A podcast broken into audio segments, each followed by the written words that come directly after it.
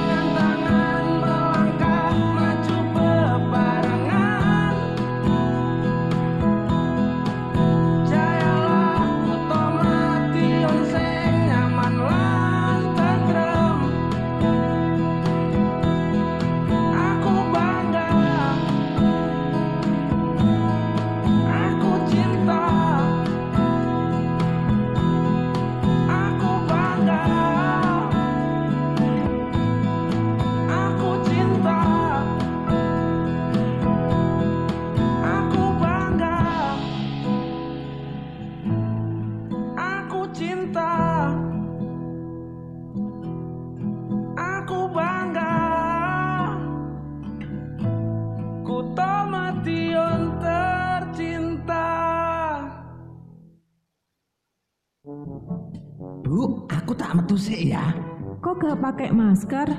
Walah, Bu, Bu. Wong cedhak kuno ae kok gawe masker. Apa arep diblongsong terus ketemu karo kancane, Bu? Ya gak boleh gitu. Jauh dekat harus tetap pakai masker.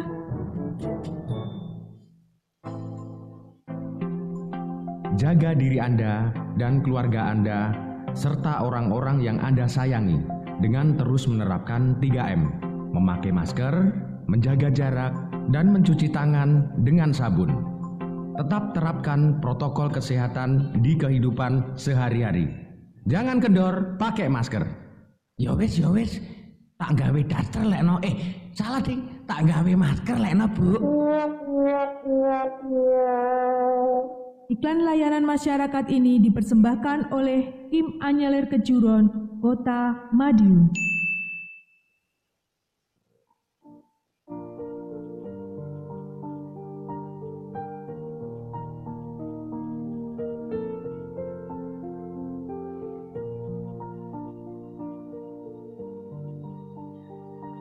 Baik, Sobat Anyelir, masih kebersamaan dengan kami Suara Anyelir ya. Untuk siaran kami bisa dinikmati lewat radio Suara Anyelir yang yang berfrekuensi 89,5 ya. Meskipun kita masih dalam pengembangan pemancar kita juga apa ada fasilitas seperti Facebook dan IG. Nanti bisa sobat anyelir didengerin di situ. Cukup ketik Kim Anyelir atau Kim Kejuron Anyelir. Baik untuk sobat Anyelir, eh, kita langsung aja berbagi informasi terkait pilkada ya. Jadi kemarin kemarin itu kita seminar by online atau bisa dikatakan dengan webinar dengan seluruh bersama seluruh kelompok informasi masyarakat yang ada di kabupaten ataupun kota di Jawa Timur. Jadi intinya kemarin itu seminar eh, apa online atau webinar itu se Kim Provinsi Jawa Timur. Baik, langsung aja ya informasinya saya bacakan. Pilkada serentak tanggal 14 hari, 14 hari lagi yang akan diikuti 9 kabupaten atau kota di Jawa Timur untuk memilih kepala daerah pada tanggal 9 Desember 2020. Jadi sebentar lagi, sebentar lagi akan ada pemilihan pilkada di 19 kabupaten dan kota. Terdiri, terdiri dari 16 kabupaten dan 3 kota, masing-masing kabupaten Pacitan, Ponorogo, Ngawi, Trenggalek, Lamongan, Tuban, Gresik, Mojokerto, Malang, Blitar, Sidoarjo, Sumeneb, Jember, Situbondo, dan Banyuwangi. Kemudian untuk kotanya ada tiga Sobat Kim, antara Blitar, Pasuruan, dan kota Surabaya. Dan ini untuk saat ini mungkin rame-ramenya di kota Surabaya ya. Tapi enggak lah, semua rame gitu loh. Tapi untuk pilkada saat ini memang uh, berajaskan tetap memakai ajas protokol kesehatan gitu.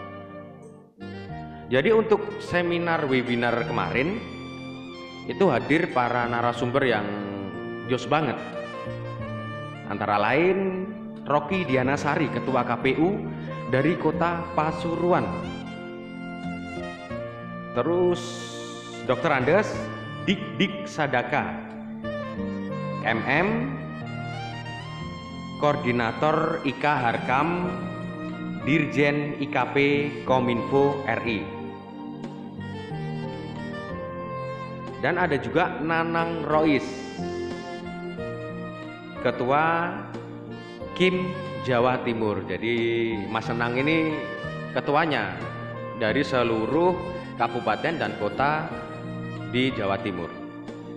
Dan ada lagi Bambang Wiliarto. Beliau pimpinan redaksi bisnis surabaya.com ya. Dan sebagai moderator mungkin sudah nggak asing lagi. Ini juga jos banget moderatornya. Ada Kang Akbar sebagai moderator yang membawakan acara selama dua jam berlalu dengan asik. Yang aktif membantu mensukseskan sesuai aturan dan protokol kesehatan sehingga kegiatan bisa berjalan efektif, sehat dan sukses ya. Yang tak kalah penting, uh, kemarin itu juga membahas uh, untuk apa ya uh, panitia yang mengadakan pilkada itu antara lain dari KPU dan Bawaslu. Dan petugas KPPS itu merupakan bentukan dari KPU dan kemarin itu juga sudah diterangkan bahwa petugas KPU harus terkonfirmasi sehat dengan dilakukan rapid test dan berkoordinasi dengan gugus tugas COVID-19. Dan seorang KPPS diberikan satu baju hazmat serta ada bilik khusus bagi pemilih yang suhunya di atas 37,3 derajat Celcius. Makanya tadi saya bilang pilkada yang kemarin dan yang sekarang itu beda banget bedanya di di pilkada saat ini pilkada maksudnya pilkada saat ini itu benar-benar menerapkan dan berajas protokol kesehatan. Jadi eh, apa ya harus benar-benar steril gitu. Sebab eh, kebetulan pilkada saat ini masuk dalam masa pandemi juga. Begitu. Selain itu Ketua KPU Kota Pasuruan menyatakan C6 kini berganti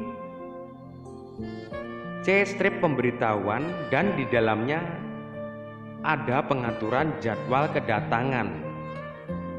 Ini dimaksudkan agar ada jarak antara pemilih satu dengan yang lainnya, pungkasnya.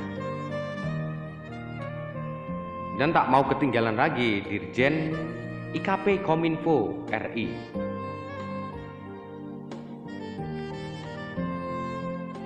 Uh, beliau juga bekerja sama dengan KPU. Jadi saat ini menciptakan aplikasi berbasis online itu yang namanya Si Rekap. Untuk Si Rekap ini buat sobat game, uh, jadi bisa bisa di-download melalui Play Store. Nanti tulis aja si rekap, nanti pasti keluar dan di, bisa di-download.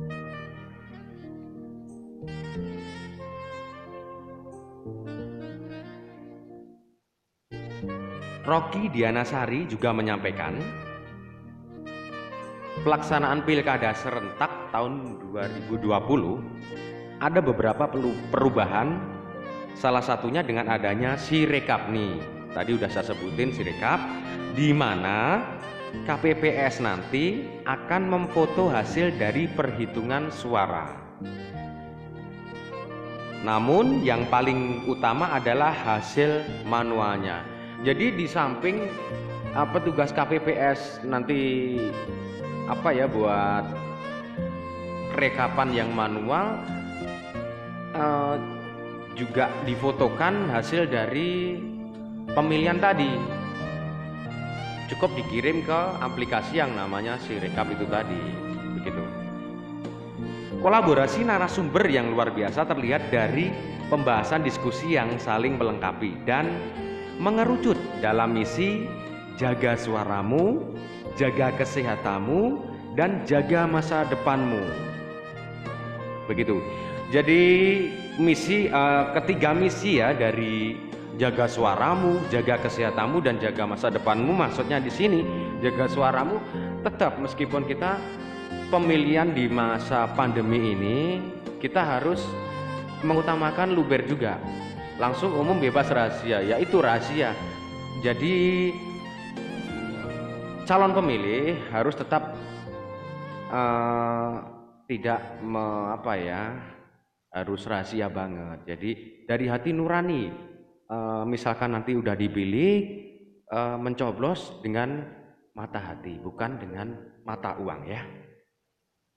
Terus jaga kesehatan, maksudnya jaga kesehatan di sini pil, pilkada yang kemarin dengan yang sekarang itu beda. Bedanya di sini ini dengan syarat dengan uh, protokol kesehatan misalkan yang tadi sebelum masuk bilik, sebelum masuk TPS, nanti sudah akan disiapkan tempat untuk cuci tangan, hand sanitizer, pengukur suhu dan ada lagi bilik untuk mengukur suhu juga gitu. Jaga masa depanmu. Jadi yang dimaksud jaga masa depanmu jangan tergiur dengan apa namanya money politik. Dihargai dengan 50 tahun uh, ma maaf 50 ribu kalau di sini di Madiun itu uh, disingkat dengan polsek. Polseket polseket bisa menentukan masa depan dari suatu daerah begitu. Jadi sangat menyayangkan banget ya. Jadi sangat uh, uh, saya himbau jangan sampai para pemilih nanti calon pemilih nanti suaranya dihargain dengan 50 ribu rupiah masa depan lima, lima tahun suatu daerah begitu ya yang sangat berarti karena sejatinya lima menit ini lima menit menentukan lima tahun kepemimpinan daerah yang akan datang sama aja seperti seperti tadi yang saya utarakan 50 ribu itu bisa menentukan kepemimpinan daerah yang akan datang gitu.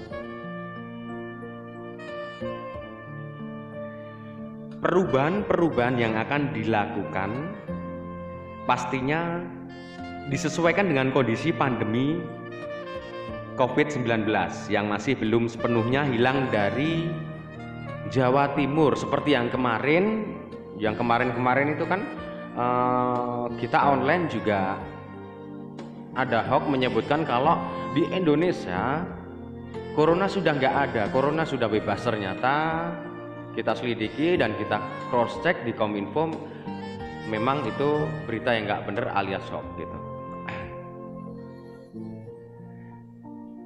Yang masih sebelum uh, yang masih sepenuhnya belum hilang dari Jawa Timur. Jumlahnya yang mak yang maksimal 500 diawali dengan pemeriksaan suhu badan dengan termogan dan difasilitasi sarung tangan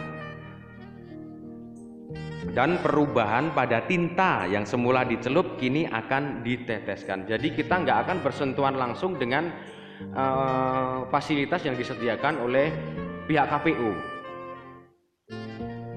pada pilkada serentak tahun ini diharapkan Kim ini yang saya tekankan saya juga kelompok informasi masyarakat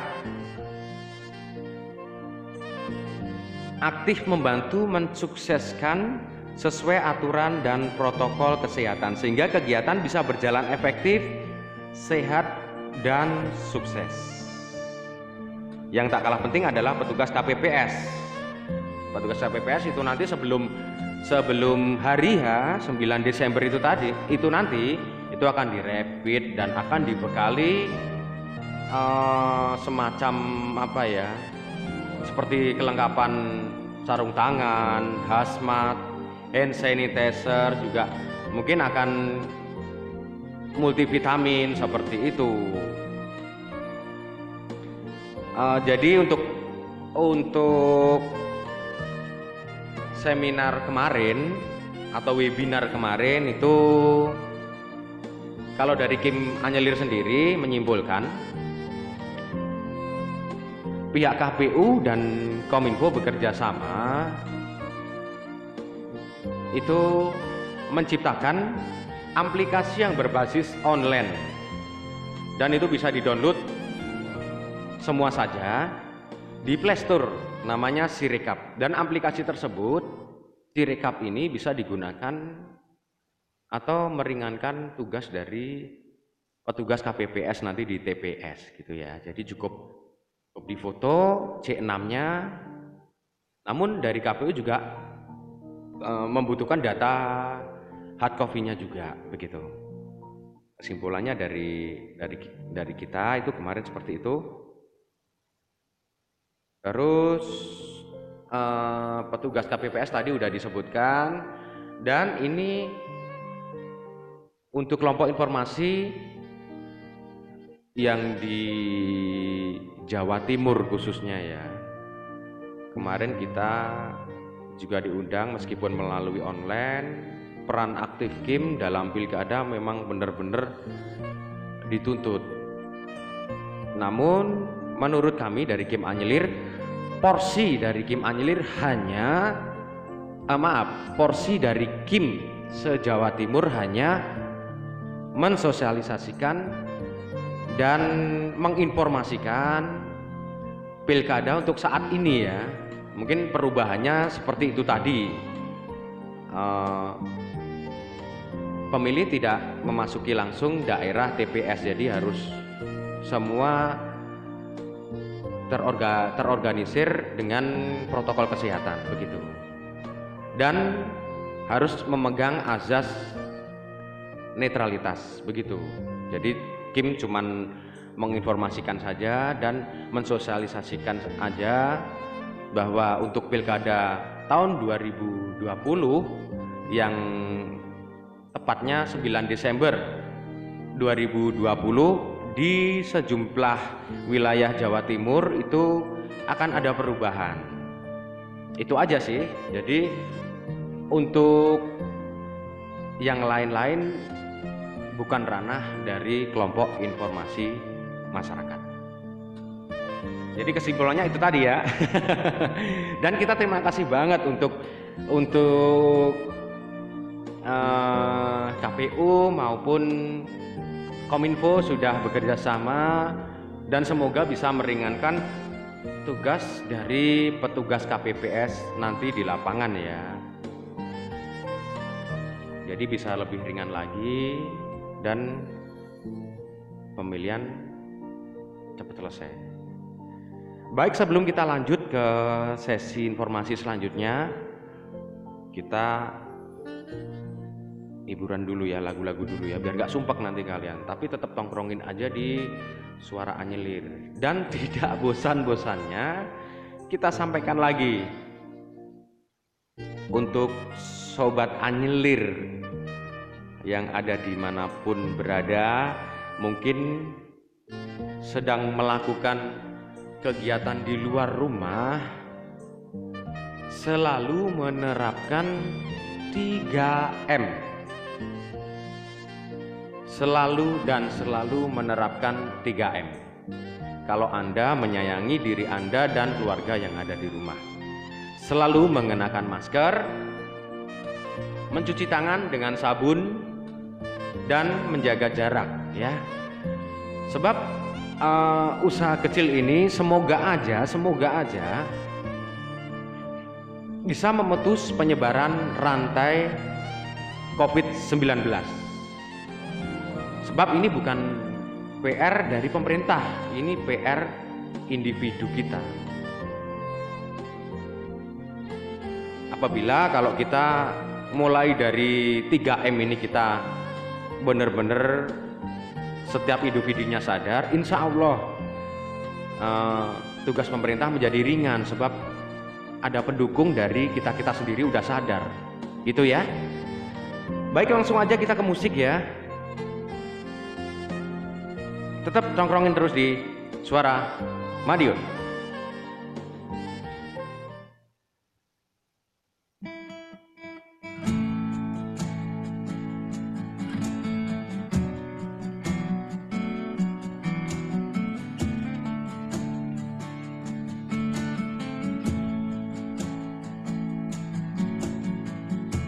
my gears and my fist still Trying to get up that great big hill of hope. For our destination. I realized quickly when I knew I should That the world was made up of this brotherhood of man For whatever that means. And so I cried something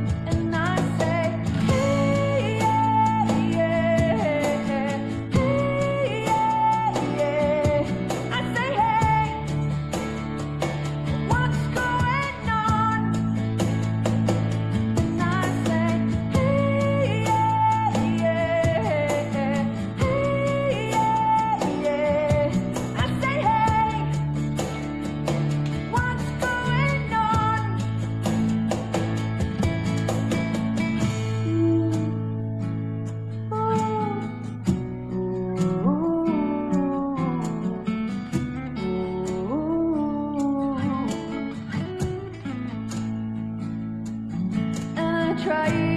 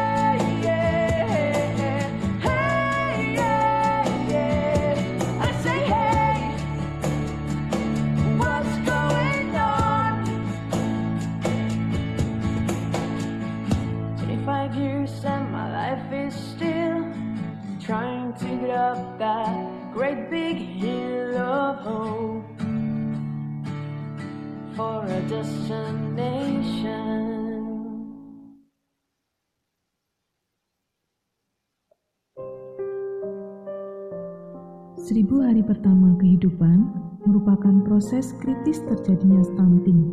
Terjadi disebabkan hilangnya asupan nutrisi pada seribu hari pertama anak. Hitungan seribu hari dimulai sejak janin sampai anak berusia 2 tahun. Ciri-ciri stunting pada anak 1. Anak berbadan pendek seusianya 2. Proporsi tubuh cenderung normal tetapi anak tampak lebih muda atau kecil untuk seusianya 3. Berat badan rendah untuk anak seusianya 4. Pertumbuhan tulang tertunda Cara mencegah stunting 1. Memenuhi gizi sejak hamil 2. Beri ASI sampai usia 6 bulan 3. Dampingi ASI eksklusif dengan MPASI yaitu makanan pendamping air susu ibu 4. Terus memantau tumbuh kembang anak 5. Selalu menjaga kebersihan lingkungan Mari penuhi gizi anak kita supaya menjadi anak yang sehat, cerdas, dan kuat.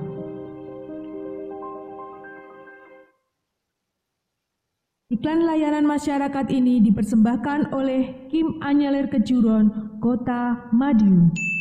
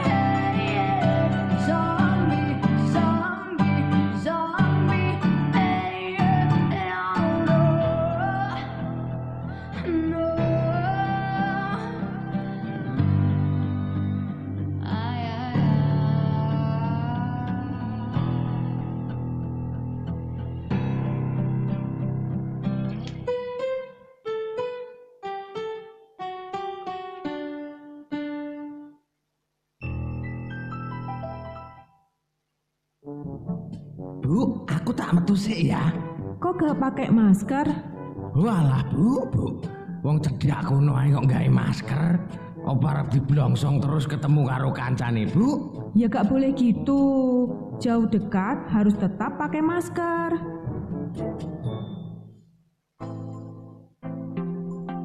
Jaga diri Anda dan keluarga Anda serta orang-orang yang Anda sayangi dengan terus menerapkan 3M, memakai masker, menjaga jarak, dan mencuci tangan dengan sabun. Tetap terapkan protokol kesehatan di kehidupan sehari-hari. Jangan kendor, pakai masker. Ya wis, ya wis. Tak gawe daster lekno. Eh, salah ding. Tak gawe masker lekno, Bu. Iklan layanan masyarakat ini dipersembahkan oleh Kim Anyelir Kejuron, Kota Madiun.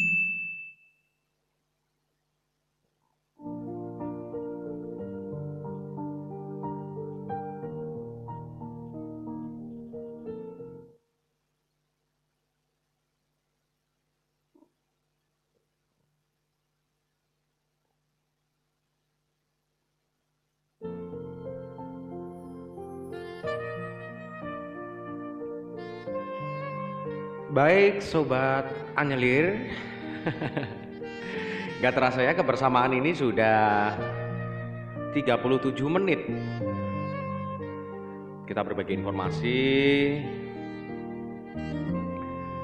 Eh, Mungkin nanti sampai jam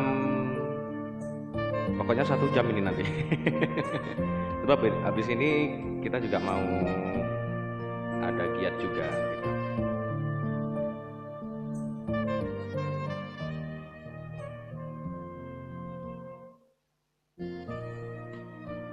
Baik langsung aja kita menginjak ke informasi selanjutnya.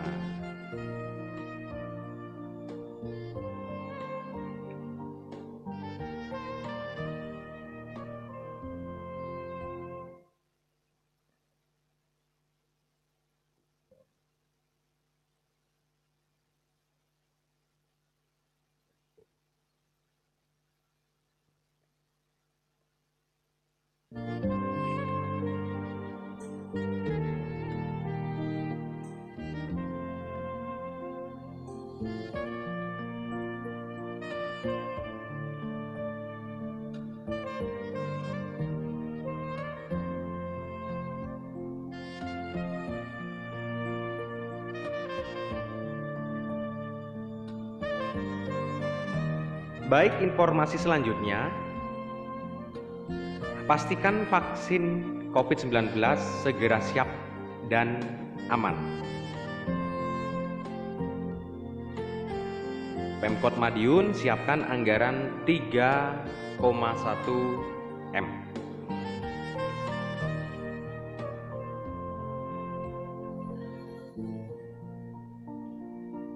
Penanganan COVID-19 dan pemulihan ekonomi menjadi prioritas utama pemerintahan RI tahun depan. Hal itu ditegaskan Presiden Joko Widodo saat penyerahan daftar isian pelaksanaan anggaran atau DIPA serta rincian alokasi transfer ke daerah dan dana desa atau TKDD tahun anggaran 2021 di Istana Negara Rabu 25 bulan 11 2020. Jokowi didampingi Wakil Presiden Ma'ruf Amin dan Menteri Keuangan Sri Mulyani Indrawati mengatakan penyerahan DIPA maupun TKDD sengaja diberikan lebih awal. Upaya ini dilakukan untuk pemerintah pusat mendukung penanganan COVID-19 pemulihan ekonomi dan pembangunan strategis. Presiden berpesan kepada seluruh kementerian maupun pemerintah daerah agar segera melakukan eksekusi kegiatan di awal tahun sehingga dapat segera dirasakan masyarakat. Lakukan lelang sedini mungkin. Ini penting untuk menggerakkan ekonomi di kuartal pertama tahun 2021. Bantuan sosial Januari sudah ada pergerakan. Segera diberikan kepada penerima manfaat agar belanja masyarakat meningkat sehingga menggerakkan ekonomi lapisan bawah. Presiden menyebut terdapat empat fokus utama di tahun depan. Pertama, penanganan kesehatan dengan fokus utama pada vaksinasi COVID-19. Kedua, perlindungan sosial bagi kelompok kurang mampu dan rentan. Ketiga, pemulihan ekonomi khususnya perhatian kepada UMKM dan dunia usaha. Sedangkan yang keempat, lebih kepada reformasi struktural.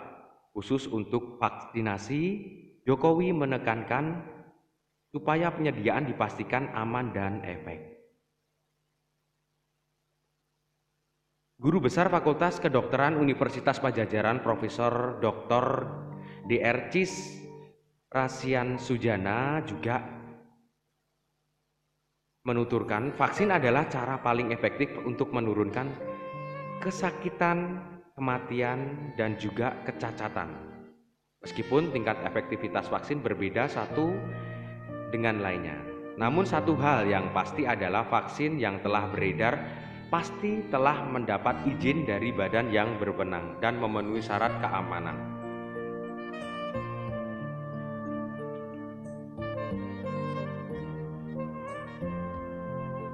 Untuk vaksin COVID-19, WHO menetapkan minimal efektivitas 50%. Harapannya pasti nanti vaksin yang ada di efektivitasnya lebih tinggi dari angka yang ditetapkan WHO.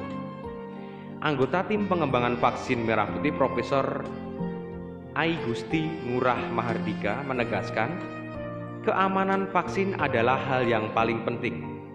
Untuk menegaskan keamanan, proses pembuatannya juga diawasi oleh berbagai lembaga komponen. Kompeten maksudnya, maaf. Sebagai contoh, uji klinik vaksin COVID-19 di Bandung diawasi langsung oleh berbagai badan pengawas yaitu Badan POM, Data Safety Monitor Board atau DSMB, dan Komite Etik FK Unpad. Soal keamanan vaksin tidak ada kompromi sama sekali. Vaksin benar-benar harus aman sebelum digunakan tegasnya. Nah, ini yang kita tunggu-tunggu yang menjadi perhatian di Kota Madiun. Vaksinasi juga menjadi perhatian pemerintah daerah seperti di Kota Madiun, Jawa Timur. Pemerintah setempat telah mengalokasikan dana sebesar 3,1 miliar untuk persiapan belanja vaksin COVID-19 yang ada di Kota Madiun. Anggaran yang disiapkan sengaja masuk dalam pos belanja tidak terduga atau BTT. APBD yang masuk ke APBD maksudnya gitu. Pasalnya hingga kini belum ada kepastian apakah vaksin bakal disediakan pemerintah pusat secara cuma-cuma atau pemerintah daerah harus membeli. Dari sini kita bisa apa yang ngulik sendiri kalau kota Madiun udah uh, siap siaga dengan diterbitkannya, diturunkannya vaksin nanti ke berbagai daerah. Dan untuk kota Madiun sendiri udah mengalokasikan dana untuk vaksin ini sebesar 3,1 miliar.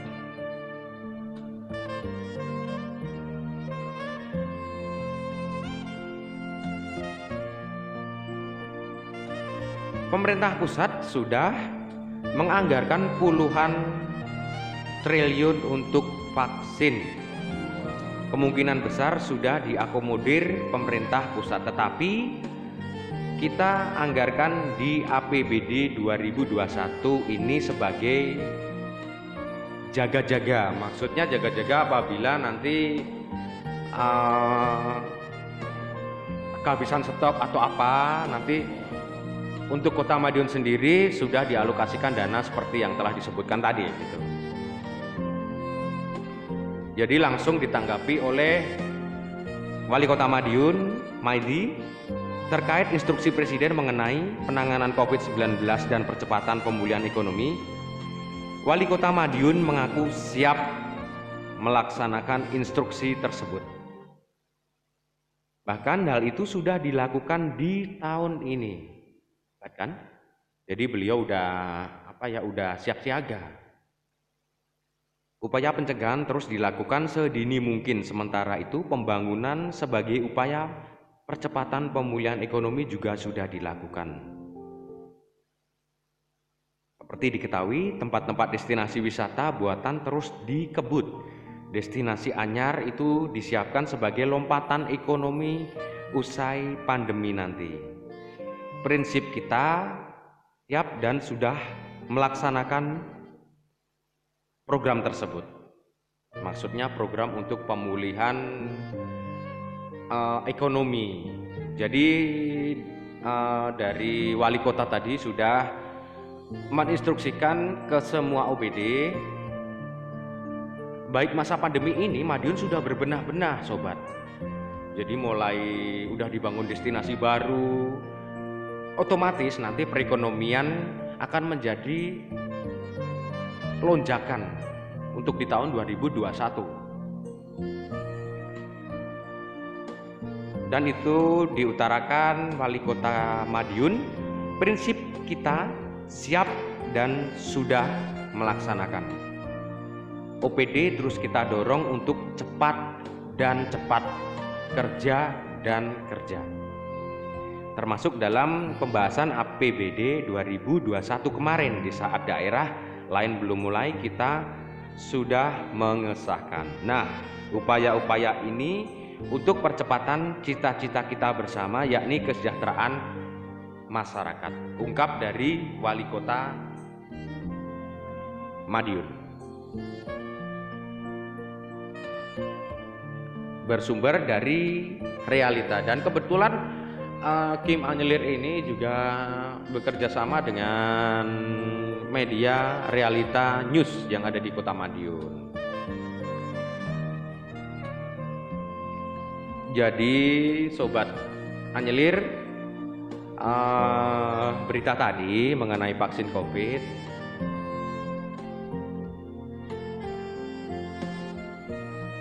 sebelum pemerintah pusat sudah menyiapkan atau menggelontorkan dana puluhan triliun untuk vaksin ini wali kota Madiun di bawah kepemimpinan Bapak kita ya, Bapak Maidi, uh, itu sudah siap siaga.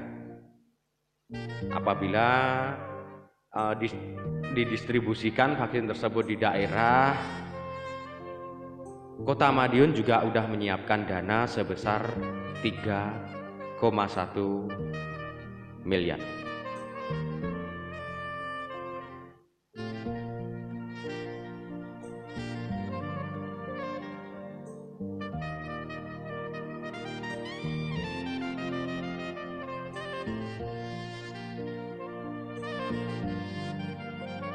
Baik, uh, waktu terus berputar ya dan kebersamaan kita sudah 49 menit. Jadi mungkin kita nggak akan lama-lama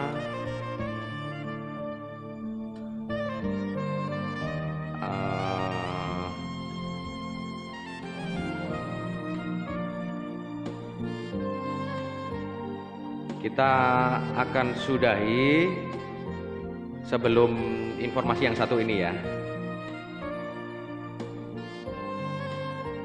Ini datang dari Galuran Kejuron.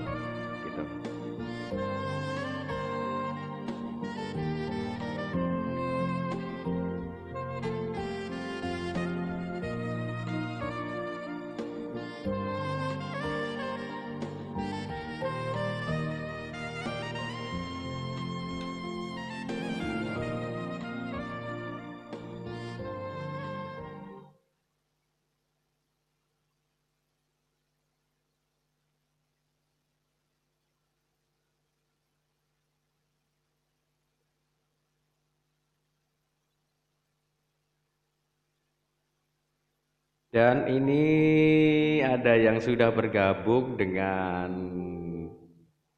kita di gudang Anyelir. Ini coba kita saya coba saya bacakan ya.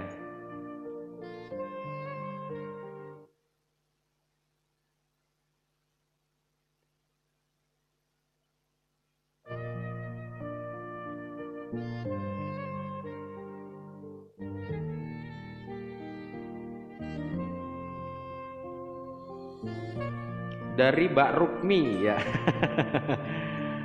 saya ada di Jalan Mangga dan saya pelaku UMKM. Saya berterima kasih untuk Bapak Wali Kota sudah memberikan leluasa untuk jam operasional berjualan sampai dengan jam 12. Semoga Bapak sehat-sehat selalu, maksudnya Bapak Wali Kota dan kita tunggu periode yang kedua. Terima kasih Mbak Rumi udah ikutan bergabung. Ini ada lagi paguyupan paguyupan apa ini? Paguyupan PKL ya di lapangan Gulun.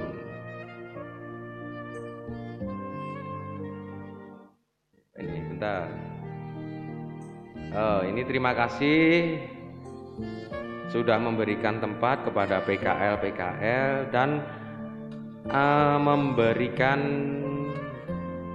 keleluasaan jam operasional untuk berjualan. Ya sama ya. Semoga tetap maju dan kita tunggu. Aduh ini intinya uh, apa ya menggendaki periode yang kedua Iya terima kasih Mas Heru PKL ini ya yang di Paguyupan Gulun ya. Baik baik baik. Baik uh, kebersamaan kita tidak terasa udah satu jam ya. Jadi terima kasih udah tetap stay tune di channel kami siaran kami kita ada tiga channel yaitu di siaran radio frekuensi 89,5 FM terus di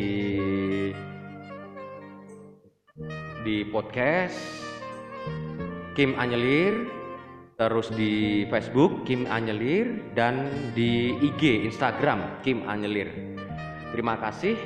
Dan tidak bosan-bosannya untuk Sobat Kim di mana pun Anda berada baik itu Kim Anyelir dan Sobat Kim yang lain saya ucapkan salam sehat selalu dan selalu menerapkan protokol kesehatan. 3M memakai masker mencuci tangan dengan sabun dan menjaga jarak baik saya dari uh, dari gudang Anyelir undur diri Selamat siang dan wassalamualaikum warahmatullahi wabarakatuh.